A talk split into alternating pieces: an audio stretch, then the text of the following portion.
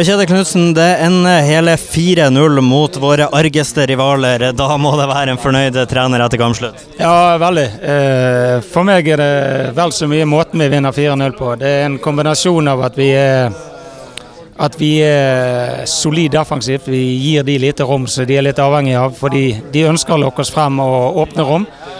Og så er det fremoverfotball eh, på Bodø-Glimt-vis. Der eh, vi er på vårt aller, aller beste i dag. Eh, vi går inn mellom de, går inn bak de. Det er mange samtidige bevegelser. og Det går utrolig hurtig fremover. Så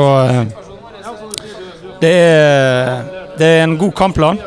Og Det er ikke så vanskelig, men måten spillerne utfører kampplanen på er jeg eh, mektig imponert over. Ja, for det, det, det, står ikke to minutter på klokka engang når Bodø-Glimt tar ledelsen. Hvor bestemt var dere på å gå ut i 100 i den kampen her? Nei, Vi var veldig opptatt av at vi skulle sette standarden fra, helt fra starten av.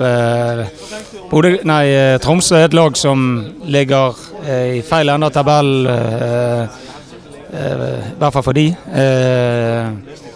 De, eh, de, de, de, kan være farlige hvis ikke vi er på tå. Det fikk vi kjenne mot Ranheim sist. Så vi skulle, de skulle egentlig få følelsen av at de var ikke i nærheten av noe som helst helt fra start av. Og det, det føler jeg vi gjør. Uh, så uh, vi er på hjemmebane, og da skal vi underholde.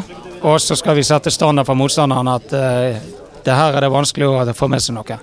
Denne eh, ekstremt bra prestasjonen kommer også etter tre kamper hvor eh, man kan si prestasjonene har vært eh, litt under middels. Hvor viktig var det da å slå tilbake på den måten som vi gjorde i dag? Ja, Nei, eh, Prestasjonen mot Stabæk er veldig god. Det er en av de tre kampene. Eh, og så må vi akseptere at eh, det er en ung gruppe, dette. Så vi spiller ikke sånne kamper som dette uke inn og uke ut. Vi må, vi, må, akseptere at vi vil variere litt. Men, eh, men at vi kommer tilbake og responderer og eh, i et sånt oppgjør eh, leverer opp mot vårt aller, aller beste, så, så er det, det, det er veldig tilfredsstillende og deilig. Du fikk sikkert ikke så mye mer enn bare et glimt av Marius Lode når han gikk av banen. Tror du han blir å spille mot Lillestrøm? Nei, det er altfor tidlig å si. Vi får krysse fingrene og håpe, men det var et lite skår i gleden akkurat den. For det er noe med det laget vi sendte ut på i dag som er Det er en kompleksitet i det laget som er veldig bra. Og det Jeg håper virkelig at, vi, at ikke det blir noe langvarig. Makeren hans, Brede Mathias, er tilbake igjen fra start i dag. Det er vel ganske gledelig?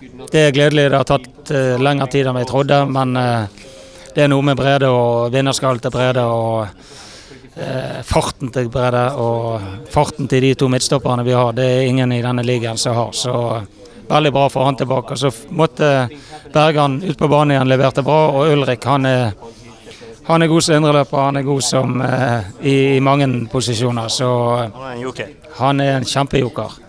Og så vil jeg også prate litt om han som kommer inn eh, rett før eh, slutt, eh, Boniface, som var, hadde veldig lyst på et mål, det kunne vi se, og han var ekstremt nær å få målet sitt også. Du har jo hatt ekstremt mye forskjellige spillere startende på topp nå, bl.a. Sinkernagel, Sveen og i dag Moberg.